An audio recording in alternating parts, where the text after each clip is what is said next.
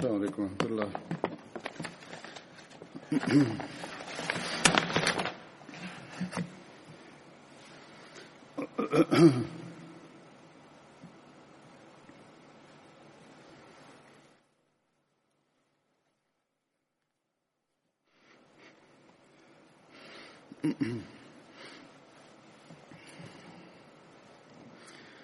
أشهد لا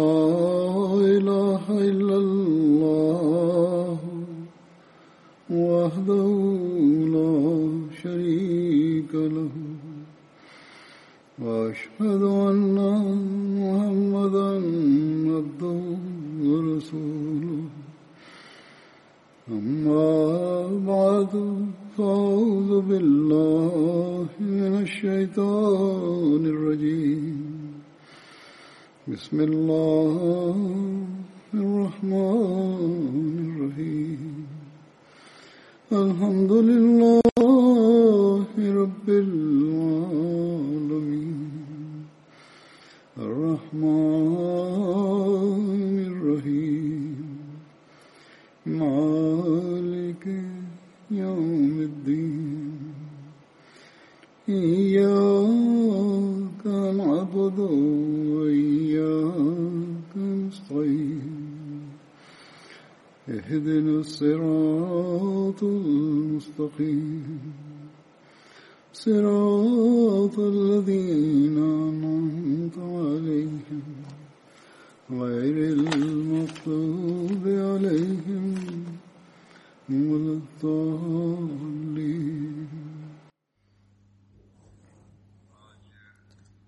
Kisah sahabat Badar yang akan saya sampaikan pada hari ini adalah Hadrat Muaz bin Haris radhiyallahu anhu.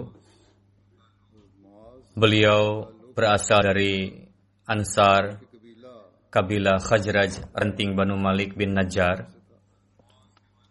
Ayahanda beliau bernama Haris bin Rifa'ah. Ibunda beliau bernama Afra binti Ubaid. Hadrat Muawwidh dan Hadrat Auf adalah saudara beliau. Selain ayah, mereka bertiga dinisbahkan kepada ibunya dan ketiganya disebut dengan Banu Afra. Hadrat Muaz dan dua saudaranya, yakni Hadrat Auf dan Hadrat Muawwidh, ikut serta pada perang Badar. Keduanya syahid pada perang Badar. Namun Hadrat Muaz ikut serta pada peperangan setelahnya bersama dengan Rasulullah Sallallahu Alaihi Wasallam.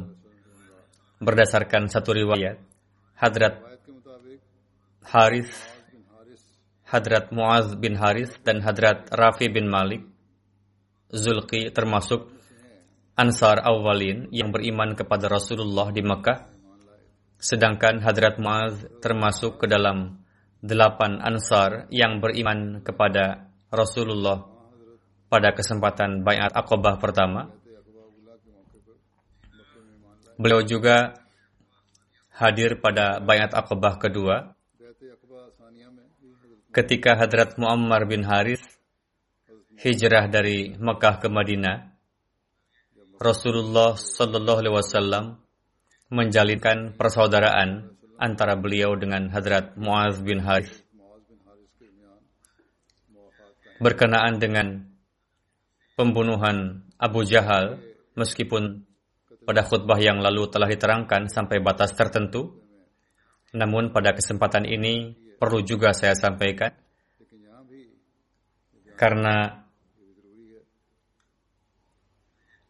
berkaitan dengan Hadrat Muaz saya merujuk dari riwayat Bukhari. Dalam hal ini tidak dapat disampaikan secara singkat, perlu disampaikan seutuhnya. Salih bin Ibrahim meriwayatkan dari kakeknya Hadrat Abdurrahman bin Auf. Beliau mengatakan, ketika saya tengah berdiri pada barisan perang Badar, lalu melihat ke kiri dan ke kanan, apa yang saya lihat? Ada dua pemuda Ansar yang masih usia dini, saya berhasrat seandainya saya berada di antara orang yang lebih muda dan lebih kuat dari mereka. Lalu salah satu dari mereka menekan saya dengan tangannya, lalu bertanya, Paman, apakah Paman kenal dengan Abu Jahal? Saya jawab, Nak, ada keperluan apa dengannya? Anak itu menjawab, ada yang mengatakan kepada saya bahwa Abu Jahal selalu mencaci Rasulullah. Demi zat yang jiwaku berada di tangannya, jika saja aku dapat melihatnya, maka mataku dan matanya tidak akan berpisah sebelum di antara kami ada yang mati telah ditakdirkan sejak sebelumnya. Beliau menuturkan, saya sangat terheran-heran mendengarnya. Kemudian anak yang kedua menekan saya dengan tangannya dan bertanya seperti yang pertama. Saya melihat Abu Jahal tengah mengitari pasukannya pada saat itu. Saya beritahu anak itu, lihatlah, orang itu yakni orang yang kamu tanyakan pada saya. Seketika mendengar itu, kedua anak itu langsung mengangkat pedangnya dan melesat menuju Abu Jahal. Begitu hebat gempurannya sehingga dapat membunuhnya. Lalu kedua orang itu kembali dan mengabarkan kepada Rasulullah. Rasul bertanya, Siapa di antara kalian berdua yang membunuhnya? Keduanya berkata, saya yang membunuhnya. Rasul bertanya lagi, apakah kalian sudah membersihkan pedang kalian? Mereka menjawab, belum. Rasul melihat pedangnya dan bersabda, memang kalian berdualah yang membunuhnya. Yang akan mendapatkan jatah hartanya, yakni harta Abu Jahal adalah Muaz bin Amru bin Damu. Kedua pemuda itu adalah Muaz, yakni Muaz bin Afra dan Muaz bin Amru bin Jamu. Sahih Bukhari. Hadrat Anas meriwayatkan, pada saat perang Badar, Hadrat Rasulullah Shallallahu Alaihi Wasallam pernah bersabda, siapa yang akan melihat bagaimana keadaan Abu Jahal, Hadrat Ibnu Mas'ud pergi dan melihatnya. Sedemikian rupa kedua putra Afra, yakni Hadrat Muaz dan Hadrat Muawiz, menggempurnya dengan pedang, sehingga Abu Jahal sekarat. Hadrat Ibnu Mas'ud bertanya kepada Abu Jahal, apakah kamu Abu Jahal? Hadrat Ibnu Mas'ud berkata bahwa saya saat menanyakan itu, beliau sambil memegang janggut Abu Jahal. Abu Jahal berkata, apakah ada orang lain yang kamu bunuh lebih besar dari orang ini, yakni dari aku? Atau berkata, apakah ada orang yang lebih besar dari orang ini yang telah dibunuh oleh kaumnya, yakni lebih besar dari aku?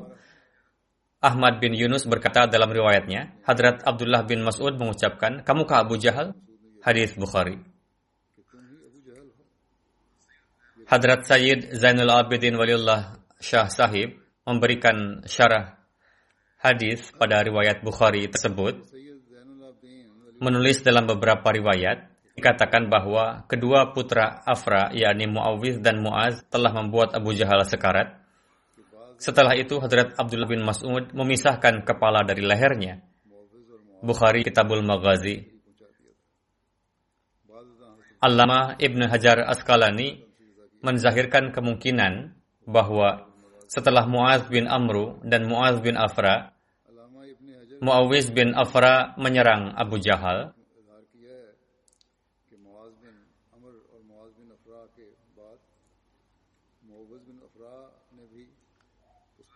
Pada saat perang Badar, siapa saja yang ikut andil dalam pembunuhan Abu Jahal, berkenaan dengan ini didapatkan keterangan lengkap sebagai berikut. Ibnu Hisham meriwayatkan dari Allamah bin Ishaq bahwa Mu'ad bin Amru bin Jamu memotong kaki Abu Jahal sehingga membuatnya terjatuh. Lalu Ikrimah bin Abu Jahal menebaskan pedangnya ke tangan Mu'az yang mengakibatkan putus tangannya. Kemudian Muawiz bin Afra menyerang Abu Jahal yang membuatnya terjatuh. Lalu saat itu Abu Jahal masih bernyawa. Abdullah bin Mas'ud memenggalnya sehingga kepalanya terpisah dari leher. Eksekusi tersebut terjadi setelah hadrat Rasulullah mengutus, mengutus Abdullah bin Mas'ud untuk mencari Abu Jahal di antara para korban yang terbunuh.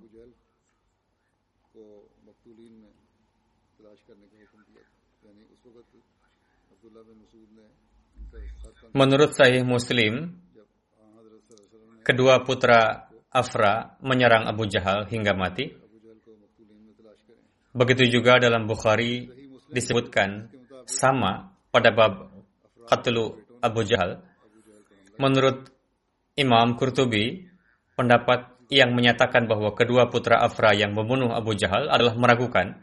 Katanya, sebagian perawi merasa ragu bahwa itu adalah Muaz bin Amru bin Jamu, yakni alih-alih Muaz bin Afra, orang yang dimaksud adalah Muaz bin Amru bin Jamu, sedangkan orang-orang menganggapnya Muaz bin Afra. Allama Ibnu Al-Juzi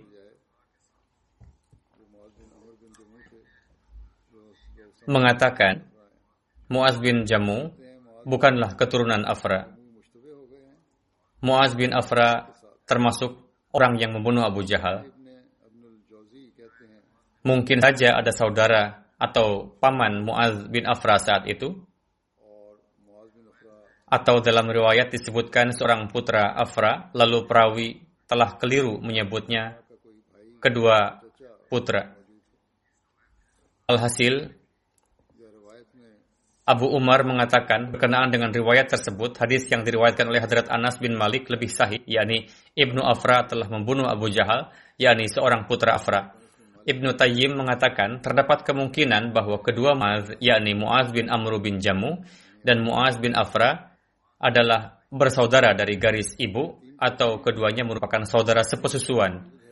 Allamah Daudi menyebutkan bahwa yang dimaksud kedua putra Afra adalah Sahal dan Suhail. Sedangkan ada yang mengatakan bahwa keduanya yang dimaksud adalah Muaz dan Muawwidh. Alhasil, terdapat riwayat-riwayat yang menyatakan bahwa tiga orang yang telah membunuhnya, sebagian berpendapat dua orang. Disebutkan juga Hadrat Muaz dan Hadrat Muaz bin Harith. Hadrat Sahib Zada Mirza Bashir Ahmad Sahib menulis berkenaan dengan kondisi perang Badar yang di dalamnya berkaitan dengan kisah pembunuhan Abu Jahal tertulis sebagai berikut. Saat itu kondisi sedang berkecamuk di medan perang. Pasukan muslim berhadapan dengan pasukan yang jumlahnya tiga kali lipat lebih besar dan dilengkapi berbagai persenjataan. Mereka berderap maju menuju medan perang disertai dengan tekad untuk menghapuskan nama Islam.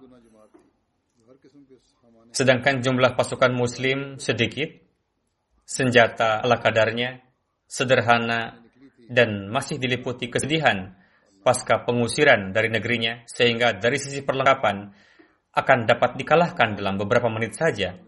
Namun kecintaan kepada tauhid dan kenabian telah menjadikan larut. Begitu juga sesuatu yang sangat berharga dan tidak ada yang lebih kuat darinya di dunia ini, yakni keimanan yang hidup, telah memenuhi diri mereka dengan kekuatan yang luar biasa. Saat itu, mereka tengah menampilkan teladan pengkhidmatan agama di medan perang yang tidak kita temukan bandingannya. Setiap orang berlomba-lomba satu sama lain untuk berderap maju dan nampak sangat berhasrat untuk mempersembahkan jiwanya di jalan Allah Ta'ala.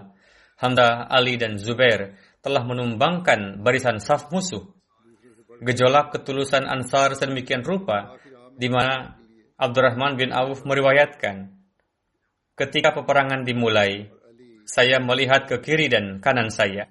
Namun apa yang saya lihat, ada dua pemuda Ansar berdiri di sebelah kanan dan kiri saya. Melihat mereka, semangat saya menjadi sedikit menurun karena dalam peperangan seperti itu sangat bergantung pada pertempuran kawan yang ada di sebelah kiri dan kanan.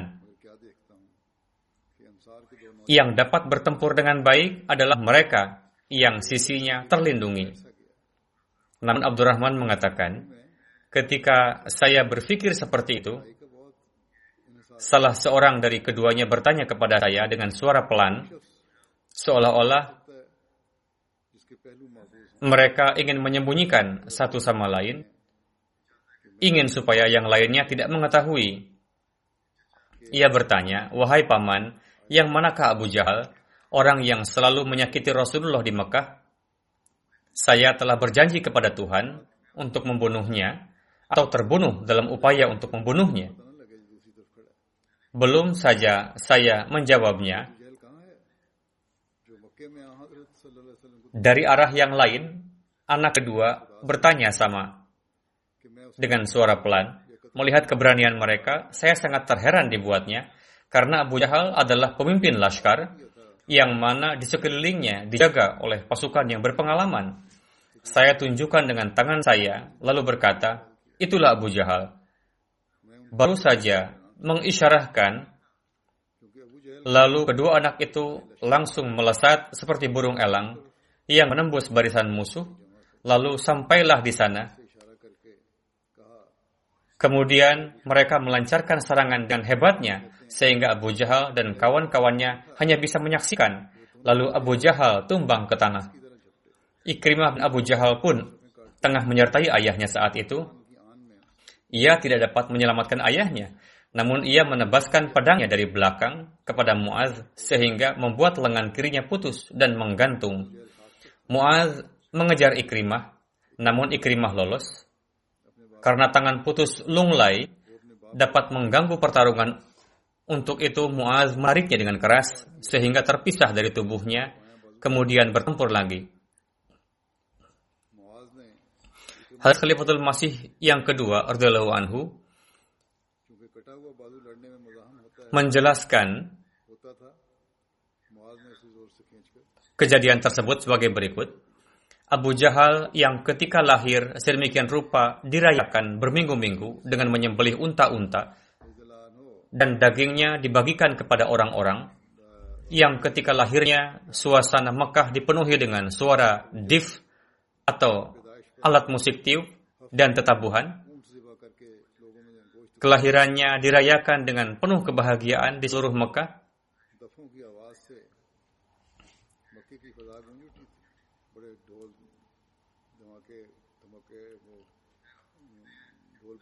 Namun ketika terbunuh pada perang Badar, dua orang pemuda Ansar yang masih berumur 15 tahun melukainya.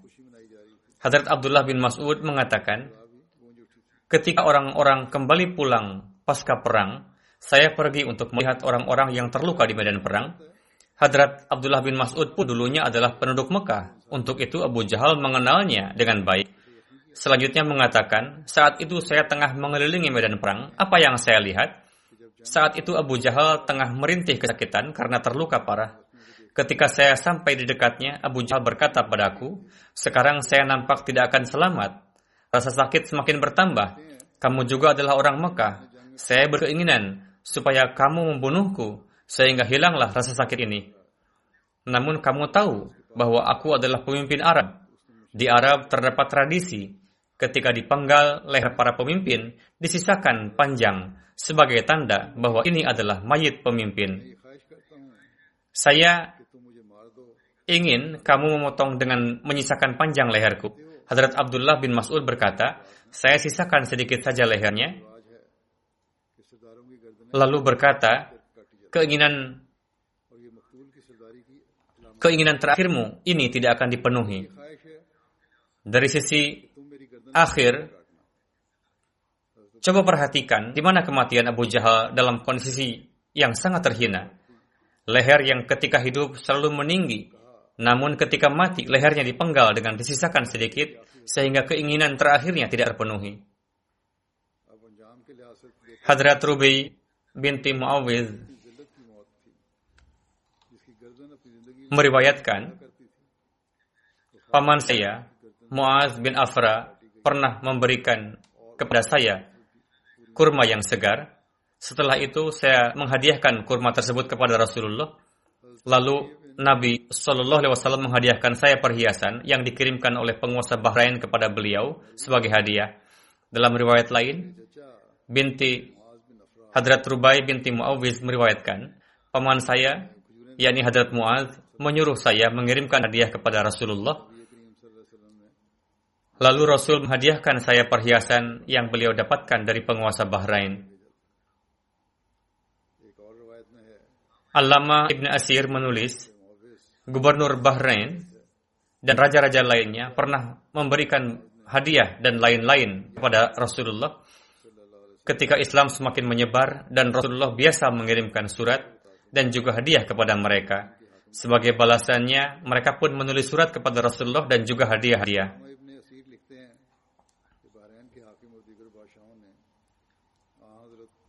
Hadrat Muaz bin Haris memiliki empat istri. Nama-namanya sebagai berikut. Habibah binti Qais, yang terlahir seorang putra darinya bernama Ubaidullah. Istri kedua adalah Ummi Haris binti Sabra.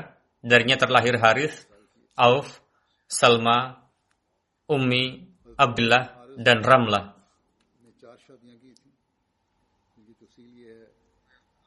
Istri yang ketiga adalah Ummi Abdullah binti Numair. Darinya lahir Ibrahim dan Aisyah. Istri keempat adalah Ummi Sabit Ramlah binti Haris. Darinya lahir Sarah.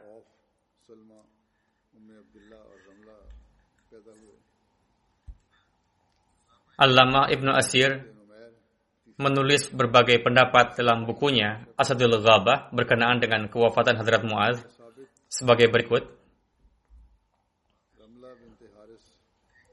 Menurut satu pendapat, Hadrat Muaz radhiyallahu anhu terluka pada perang Badar. Sepulangnya ke Madinah, beliau wafat disebabkan karena luka-luka tadi.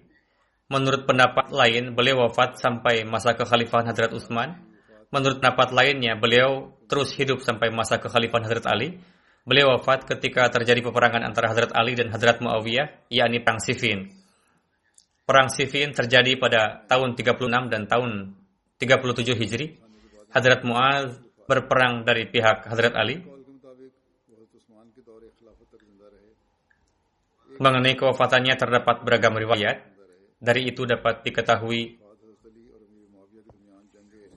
bahwa beliau berumur panjang. Begitu juga jika dilihat dari anak-anak dan para istri beliau, maka beliaulah orangnya.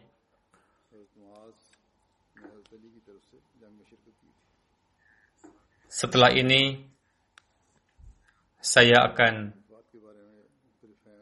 sampaikan zikri khair atas kewafatan yang terhormat Rana Naimuddin Sahib bin Mukarram Ferozuddin Munshi Sahib Innalillahi wa inna ilaihi raji'un. Beliau sakit cukup lama, sering masuk rumah sakit karena keluhan beragam penyakit. Dokter pun pernah mengatakan bahwa ini adalah kali terakhir, namun Allah Ta'ala menurunkan karunia-Nya lalu sembuh. Ketika beliau sembuh dan mampu berjalan, beliau biasa datang ke masjid. Bagaimanapun penyakit terakhirnya itu terbukti ganas dan menyebabkan kewafatan beliau. Berdasarkan dokumen Rana Sahib lahir pada tahun 1934. Berdasarkan riwayat lainnya, ada yang mengatakan tahun 30 atau 32. Namun berdasarkan dokumen resmi, beliau lahir tahun 34. Menurut itu beliau tutup usia pada usia 86 tahun. Pertama kali jemaat masuk ke dalam keluarga beliau melalui ayahanda beliau, Ferozuddin Sahib, yang bayat kepada Hazrat Masih Maud salam melalui surat. Pada tahun 1906. Lalu pasca perpisahan India dan Pakistan, awalnya beliau pindah ke Lahore, Pakistan. Lalu pada tahun 48 pindah ke Rabuah. Setelah itu beliau mempersembahkan diri untuk Furkan Batalion. Lalu Hadrat Khalifatul Masih kedua Abdullah Anhu mengutus beliau ke dekat Mirpur Khas untuk mengurusi tanah. Beliau tinggal beberapa tahun di sana. Beliau sudah lama masuk Nizam al-wasiat, yakni tahun 51. Istri beliau bernama Sarah Parvin, cucu dari sahabat Hadrat Masih Maud salam bernama Daulat Khan Sahib.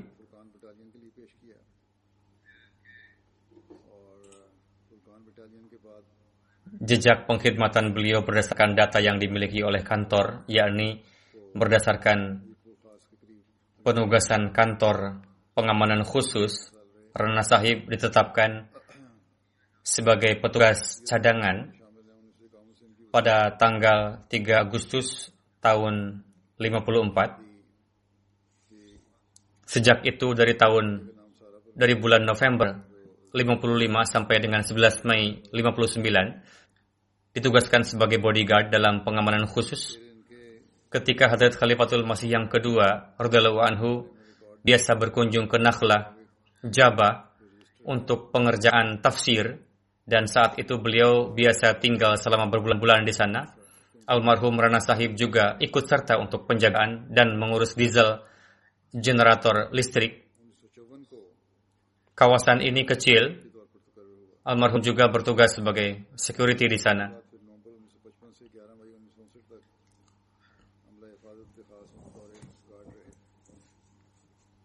Menurut data di kantor wasiat, pada tahun 78 beliau berhenti bertugas di bagian pengamanan.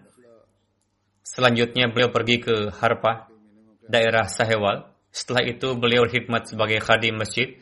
Saat itu pada bulan Oktober tahun 84, penentang menyerang Masjid Baitul Zikr Sahewal dan saat itu beliau tengah bertugas melakukan penjagaan di sana. Ketika terjadi penyerangan di sana, almarhum merespon. Mereka memejah hijaukan 11 orang Ahmadi termasuk Rana Sahib yang karenanya almarhum mendapatkan kemuliaan masuk penjara dari tahun 84 sampai 94. Alih-alih memproses para penyerang, justru polisi malah memejah hijaukan ke sebelas orang Ahmadi ini dan menghukumnya. Kasus tersebut dipindahkan ke pengadilan militer, yakni pengadilan khusus pada masa Ziaul Haq, di mana pada 16 Februari 85 dimulai sesi mendengarkan dan berlangsung sampai tanggal 1 Juni 85. Jumlah semuanya adalah 11 orang, namun kemudian hari tinggal 7 orang, yang salah satunya adalah Rana Sahib, yang putusannya ditunda. Yang empat orang, dua orang di antaranya pindah ke luar negeri, dua orang lagi dibebaskan, sementara yang tujuh orang putusannya ditunda. Kemudian pengadilan tersebut, yakni pengadilan militer khusus menetapkan hukuman mati bagi Ilyas Munir dan Rana Sahib. Selebihnya yang lima orang ditetapkan hukuman penjara 25 tahun. Alhasil, setelah dilakukan banding atas putusan tersebut, pengadilan Lahore membebaskan mereka pada bulan Maret 94 dan setelah lengkapnya dokumen tanggal 19 Maret 94 beliau resmi bebas. Dengan demikian mereka mendapatkan kemuliaan untuk bersabar di penjara selama sembilan setengah tahun.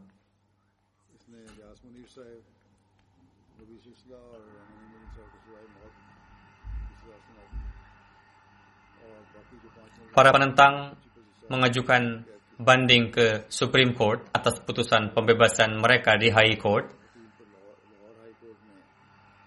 Itu pun dimulai pada bulan Mei 2013 Namun, tidak ada prakarsa untuk melakukan men sesi mendengarkan dan mereka berdua sudah berada di luar negeri dan sampai saat ini kasus tersebut tertunda. Selama penjara selama di penjara, beliau mendapatkan siksaan dari polisi secara khusus diupayakan supaya beliau memberikan keterangan yakni karena beliau bertugas sebagai pengawal khalifah, untuk itu khalifah telah mengutusmu untuk melakukan tugas untuk memukul umat Islam.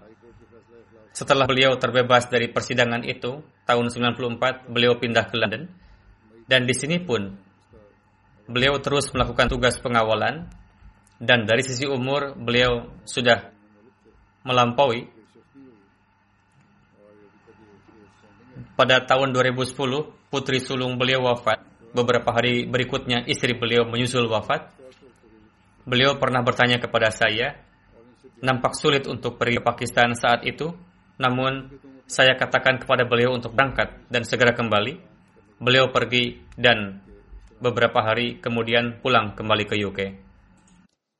keluarga yang ditinggalkan, di antaranya seorang putra dan empat putri. Putra beliau, Rana Wasim Sahib adalah wakif zindagi yang bertugas di kantor private secretary UK. Keempat putri beliau menetap di UK.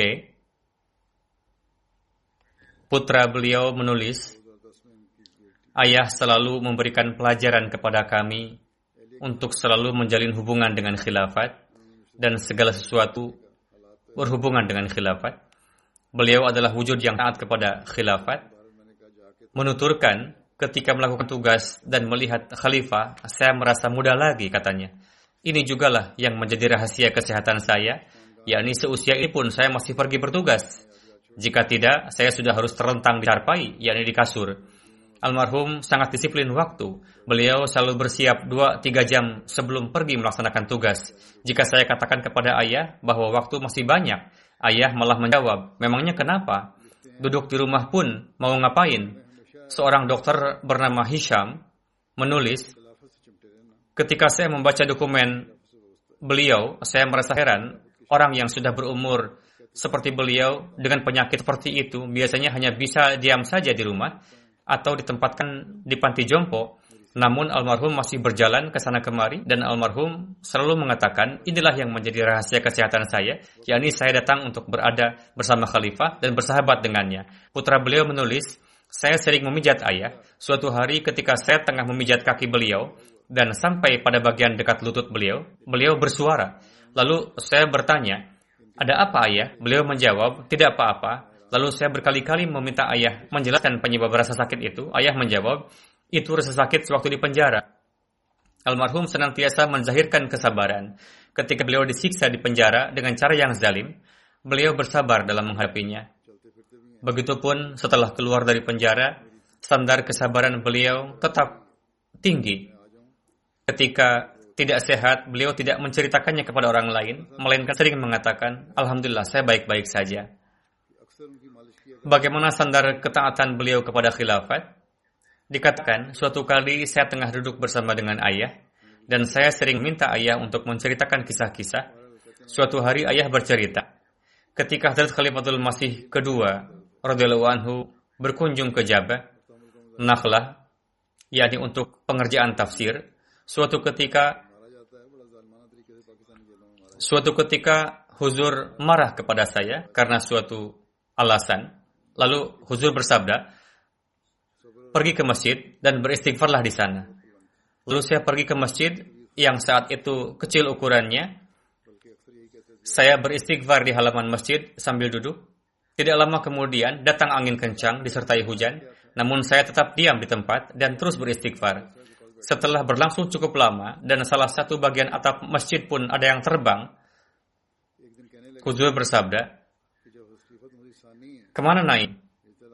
Beberapa orang datang ke masjid untuk mencari saya dan berkata, Huzur memanggilmu. Ketika saya hadir ke hadapan Huzur,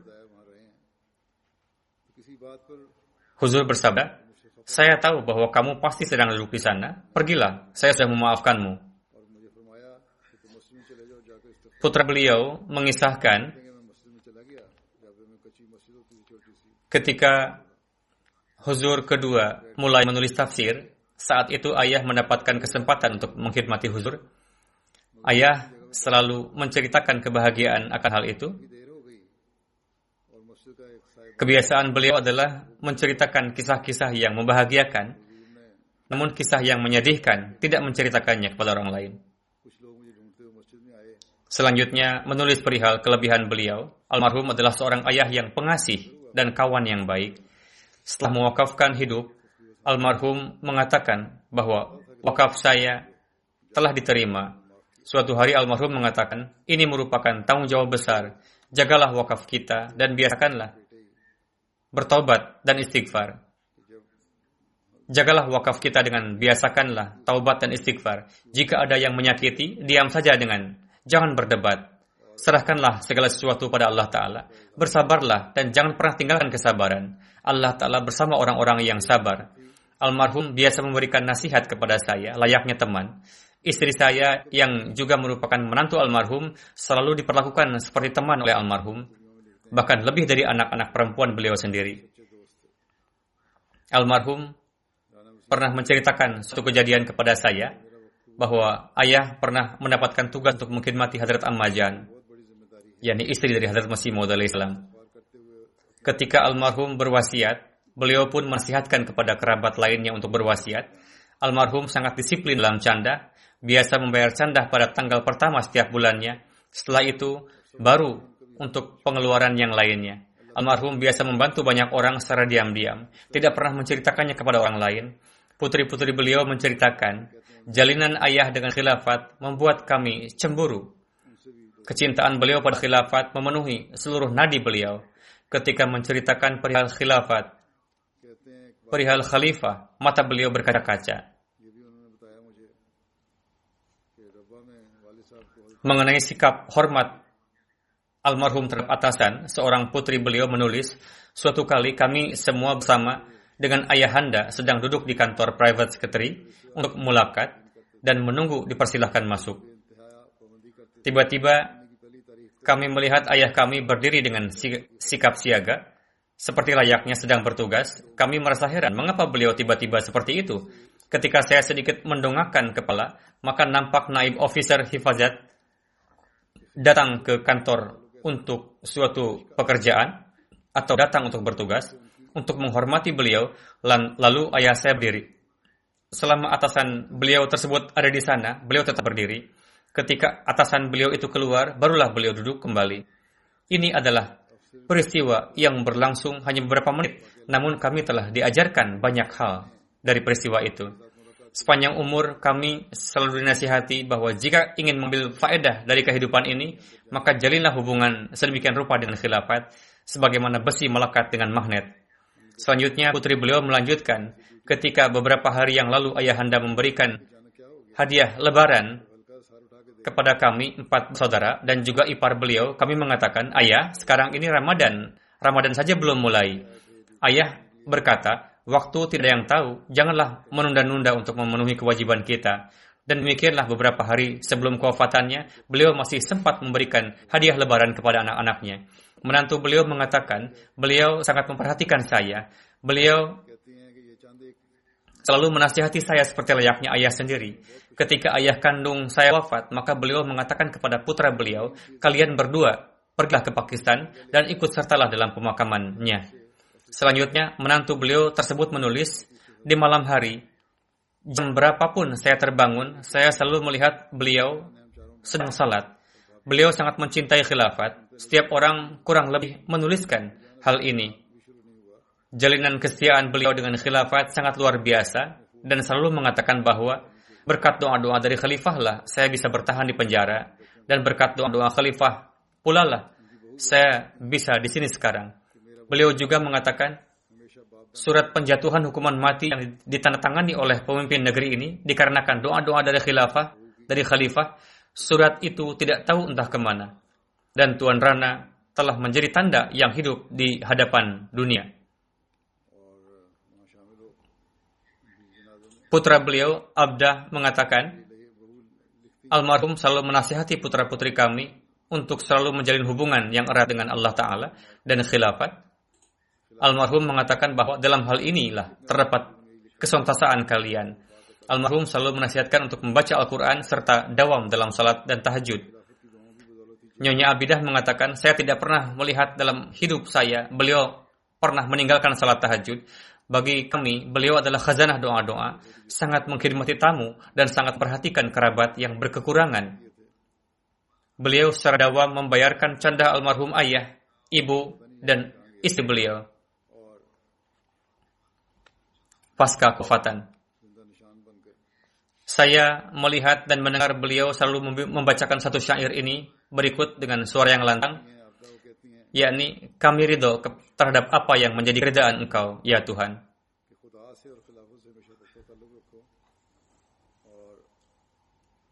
Putri beliau mengatakan, setelah kewafatan ibunda, beliau sangat memperhatikan kami semua dan juga memperlakukan para menantu perempuan beliau lebih daripada kepada putri-putri beliau sendiri. Ketika membawa barang apa pun atau ketika membagikan hadiah lebaran maka pertama-tama beliau memberikannya kepada menantu perempuan beliau.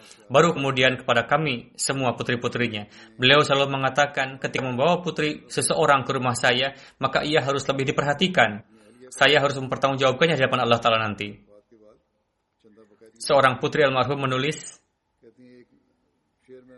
pada hari-hari penuh cobaan yang beliau jalani di penjara beliau betul-betul menjalaninya dengan ridho atas ketetapan Allah Ta'ala, kecintaan terhadap agama, dan kecintaan terhadap khilafat. Jangankan mengeluh, mengaduh pun kami tidak pernah mendengarnya. Beliau tidak pernah menunda-nunda salat dan tahajud. Dalam kondisi sakit pun, beliau tidak pernah bolong dalam salat dan tahajud. Dikarenakan kerasnya kehidupan di penjara, beliau menderita sakit ginjal yang di masa-masa akhir hidup beliau menyerang uh, hidup beliau menyerang dengan hebatnya. Kesulitan bernafas dan keluhan-keluhan lainnya juga menyertai. Namun kami tidak pernah mendengar sepatah kata pun keluar dari mulut beliau yang menunjukkan kegelisahan. Selain kalimat Alhamdulillah, kami tidak mendengar kalimat lain yang terucap dari mulut beliau. Kemudian seorang putri almarhum menuturkan bahwa almarhum pernah mengatakan, saya telah berusia lanjut, usia saya 77 atau 78 tahun, waktu tidak ada yang tahu, ketika saya sudah tidak ada atau sudah meninggal, bawalah jenazah saya ke Pakistan. Almarhum juga mengatakan kepada putri-putrinya bahwa saya telah menyimpan uang untuk biaya tiket kalian semua, supaya ketika kalian harus membawa jenazah saya, kalian tidak meminta kepada suami kalian. Berangkatlah dengan uang ayah kalian bersama jenazahnya. Dengan dikarenakan situasi sekarang ini jenazah beliau belum bisa dibawa, sementara ini jenazah beliau telah dikuburkan. Jika telah terbuka kesempatan, maka sesuai dengan keinginan almarhum akan diusahakan untuk mengirimkan jenazah beliau ke Pakistan. Sepupu beliau, Tuan Rana Bashir, yang ada di Rabwah dan bekerja di Tahir Hospital mengatakan, saya beberapa kali berkesempatan bertemu dengan almarhum ketika masa-masa beliau di penjara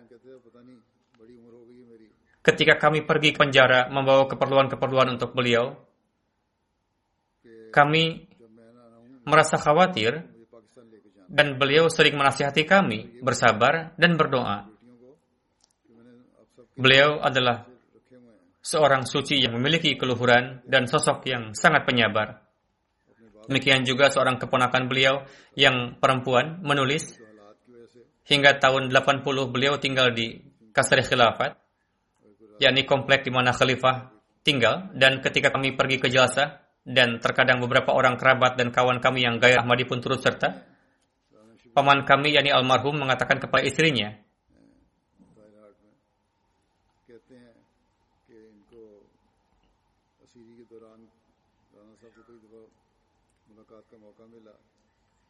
paman kami yakni almarhum mengatakan kepada istrinya Selalu perhatikanlah para tamu, jangan sampai ada kesulitan ketika makan atau tidur.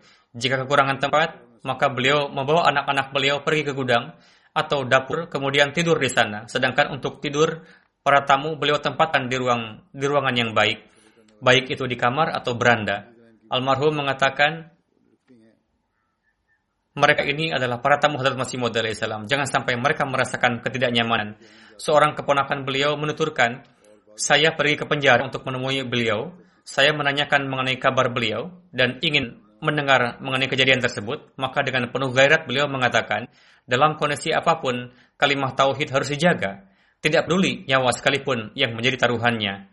Kemunakan beliau tersebut mengatakan, saya merasakan kalimat ini bukanlah berasal dari seorang manusia. Ini adalah suara malaikat.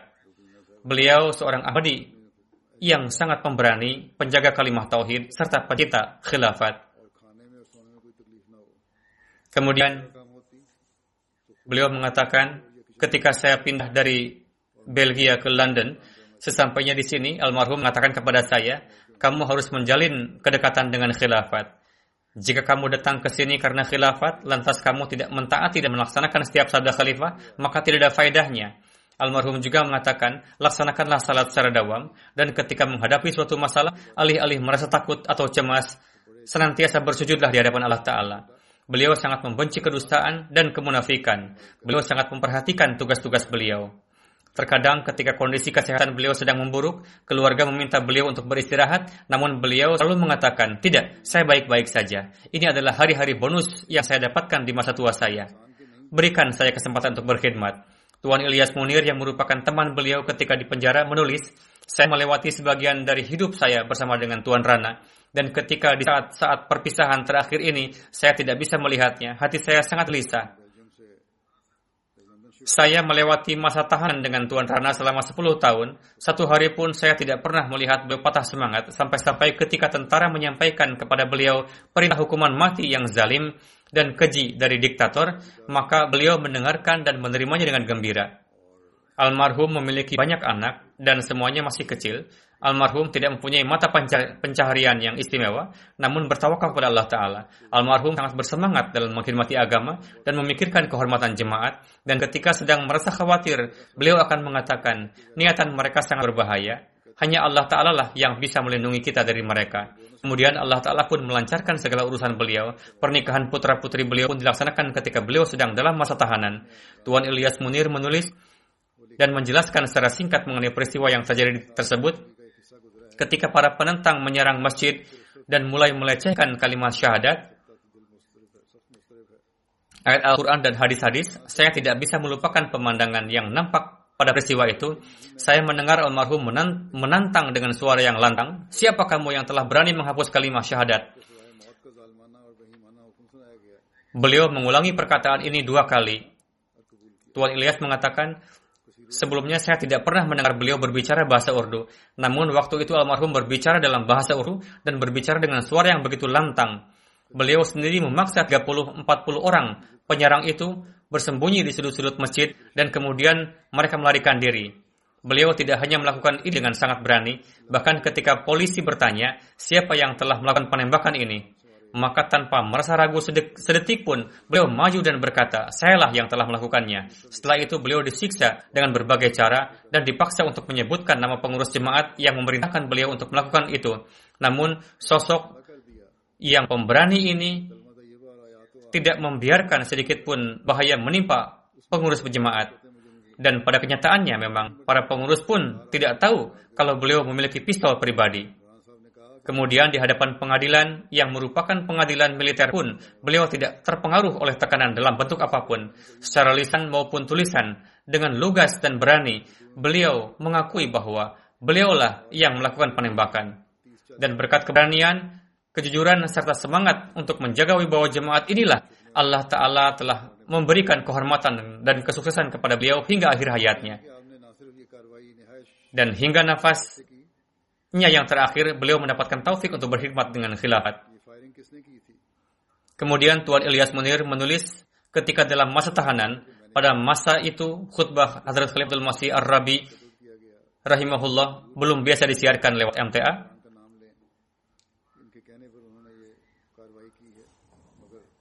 Melainkan dikirimkan secara rutin melalui tulisan.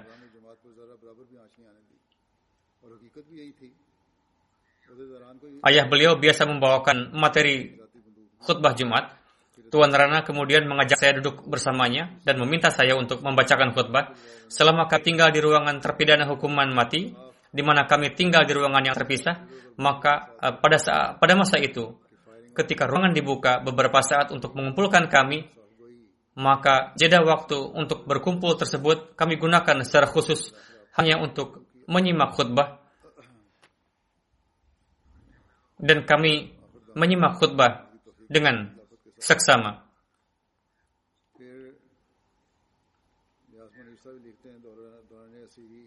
Tuan Ilyas Munir melanjutkan, salat yang bisa dilaksanakan secara berjamaah, maka secara rutin almarhum melaksanakan secara berjamaah. Bahkan ketika di penjara, almarhum juga biasa memanggil para Ahmadi lainnya untuk salat berjamaah. Pada bulan Mei, Juni, Juli, kami menjalani hari-hari puasa Ramadan yang sangat sulit di dalam penjara dan yang terhormat Tuan Rana meskipun sudah berusia lanjut dan terdapat kesulitan dalam penjara, almarhum tetap melaksanakan puasanya sebulan penuh. Almarhum memperlihatkan semangat dan ketabahan yang luar biasa dan beliau menghadapi setiap keadaan dengan penuh kegembiraan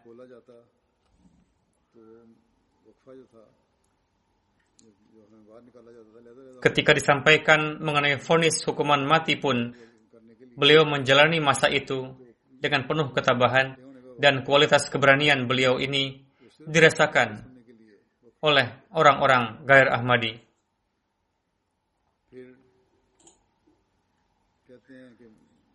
Tuan Ilyas Munir menuturkan, setelah mendapatkan perintah hukuman mati yang juga ditandatangani oleh Presiden, seorang sipir penjara mendatangi Tuan Rana Naimuddin dan berkata, Hai orang tua, lihatlah betapa anehnya orang-orang Ahmadi ini. Mereka sudah mendapatkan tanggal untuk eksekusi hukuman mati dan mereka telah sampai pada akhir dari hidupnya, namun tidak nampak pengaruh apa-apa pada raut wajah mereka dan tidak ada perubahan sedikit pun, tidak nampak kegelisahan. Sipir itu berbicara panjang lebar. Tuan Rana mengatakan, saya mengerti bahwa sipir itu tidak menyadari siapa saya. Ketika sipir itu selesai berbicara, maka Tuan Rana bertanya kepadanya, Apakah kamu lihat ada perubahan pada ekspresi wajah saya? Sipir itu menjawab, tidak. Sipir itu kemudian tercengang, menyadari bahwa Tuan Rana juga adalah seorang Ahmadi dan termasuk di antara mereka. Terakhir saya akan membacakan sepujuk surat dari Hadrat Khalifatul Masih Ar-Rabi rahimahullah yang ditujukan kepada Tuan Rana Naim Ahmad pada bulan September tahun 86 Sebagian isinya sebagai berikut. Surat Anda yang penuh keikhlasan telah saya terima. Anda telah berdiri di atas keimanan yang kokoh. Hal ini patut dibanggakan. Para kekasih Allah Ta'ala harus melewati jalan-jalan kesulitan semacam ini sebelum meraih makom yang tinggi. Saya merasa iri dengan karunia yang Anda semua dapatkan. Pohon dikenal dari buahnya. Anda semua adalah cabang yang hijau dan buah yang ranum dari pohon Hazrat Masih Maud salam. Allah Ta'ala tidak akan menyia-nyiakan Anda semua. Para anggota jemaat selalu mendoakan. Saya pun berdoa untuk Anda. Saya berharap Anda pun mendengar nazam terbaru saya yang di dalamnya terdapat salam dan pesan pengharapan bagi Anda dan orang-orang yang mukhlis seperti Anda. Semoga Allah Ta'ala menolong Anda dengan para malaikatnya dan menganugerahkan keselamatan dari cengkraman musuh. Semoga Allah Ta'ala bersama Anda. Inilah surat yang tulis oleh Hadrat Khalifatul Masih yang keempat untuk Tuan Rana. Tuan Mubarak Siddiqui menuturkan, suatu kali saya berbincang dengan beliau mengenai masa-masa tahanan dan kesulitan-kesulitan yang dialami selama di penjara, maka beliau tersenyum dan mengatakan, kehidupan kita para Ahmadi telah diwakafkan untuk Allah Ta'ala dan Rasulnya, serta untuk ketaatan kepada khalifah. Oleh karena itu, saya tidak pernah merasakan suatu kesulitan sebagai suatu kesulitan. Dalam segala kondisi, saya selalu ridho dengan keridhaan Allah Ta'ala. Sungguh, beliau hingga akhir hayatnya ridho terhadap keridhaan Allah Ta'ala. Ketika ditanya mengenai kabar, saya pun menanyakan kabar kepada beliau. Beliau selalu menjawab, Alhamdulillah. Ketika beliau pulang dari rumah sakit, mengatakan kabar saya sangat baik. Bahkan setelah itu beliau pun mendoakan saya.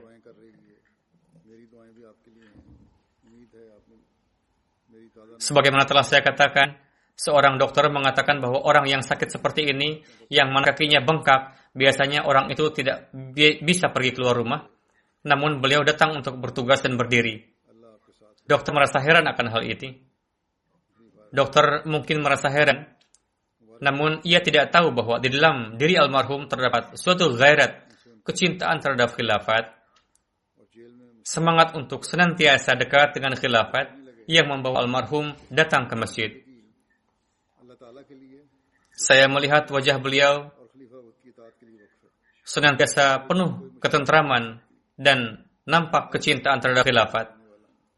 Semoga Allah Ta'ala memperlakukan beliau dengan cinta dan kasih sayang di alam akhirat dan memberikan tempat kepada almarhum di antara hamba-hamba yang dia kasihi. Saya mengenal almarhum sejak masih kanak-kanak, sebagaimana telah disampaikan ketika almarhum di Jabah Nakhla bersama Hadrat Khalifatul Masih yang kedua, radhiyallahu anhu. Pada waktu itu, ketika musim panas, saya pun pergi ke sana untuk beberapa hari. Pada waktu itu pun sikap beliau terhadap saya begitu penuh kasih sayang. Dan setelah saya menjadi khalifah, coraknya menjadi berbeda. Sebagaimana kisah-kisah kesetiaan terhadap khilafat yang telah kita dengar, hal tersebut nampak pada diri beliau setiap saat. Semoga Allah telah memberikan taufik kepada anak keturunan beliau untuk dapat mengikuti jejak langkah ayah mereka dengan kesetiaan. Dikarenakan kondisi sekarang ini, saya tidak bisa mengimami salat jenazah beliau dikarenakan adanya pembatasan-pembatasan dari pemerintah. Sangat disayangkan. Insya Allah Ta'ala, di lain kesempatan saya akan mungkin salat jenazah gaib beliau.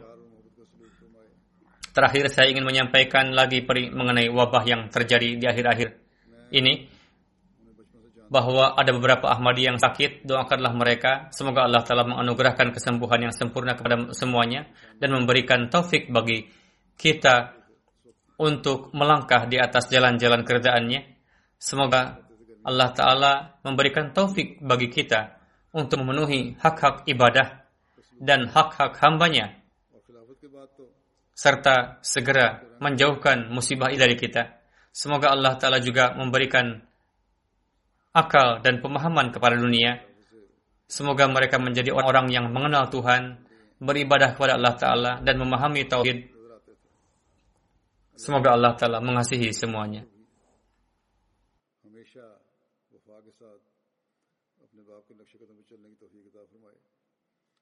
حالات کی وجہ سے ان کا جنازہ تو نہیں پڑھا جا سکا میں نہیں پڑھ سکا حکومتی پابندیاں بھی تھیں شور ریسٹرکشنز تھیں اس کا افسوس بھی ہے इन ताला किसी वक्त उनका जनाजा गायब भी पढ़ा दूँगा। आखिर पर मैं दोबारा आजकल की मर्ज के हवाले से ये भी कहना चाहता हूँ कि अपने अहमदी मरीज़ हैं बाज उनके लिए भी दुआ करें। अल्लाह ताला सबको शफा कामला फरमाए। और हमें भी अपनी रज़ा की राहों पर चलने की तोफ़ी किताब फरमाए।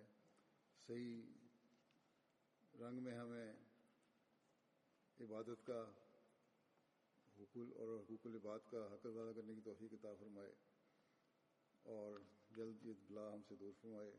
دنیا کو بھی سمجھ اور عقل دے، وہ بھی خدا کو پہچاننے والے بنے، خدا تعالیٰ کی عبادت کرنے والے بنے، توحید کو جاننے والے بنے۔ اللہ تعالیٰ سب پر رحم فرمائے۔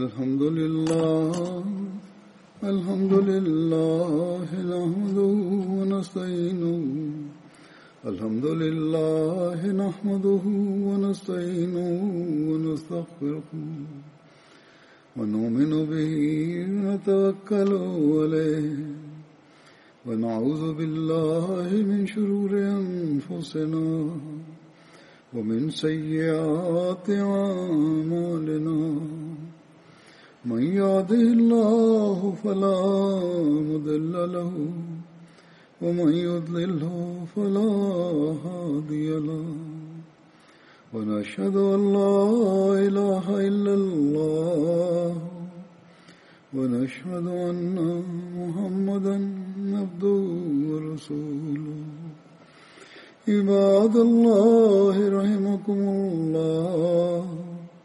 إن الله يأمر بالعدل واللسان وإيتاء ذي القربى وينهى عن الفحشاء والمنكر والبغي يعظكم لعلكم تذكرون. اذكروا الله يذكركم وادعوه يستجب لكم ولذكر الله أكبر.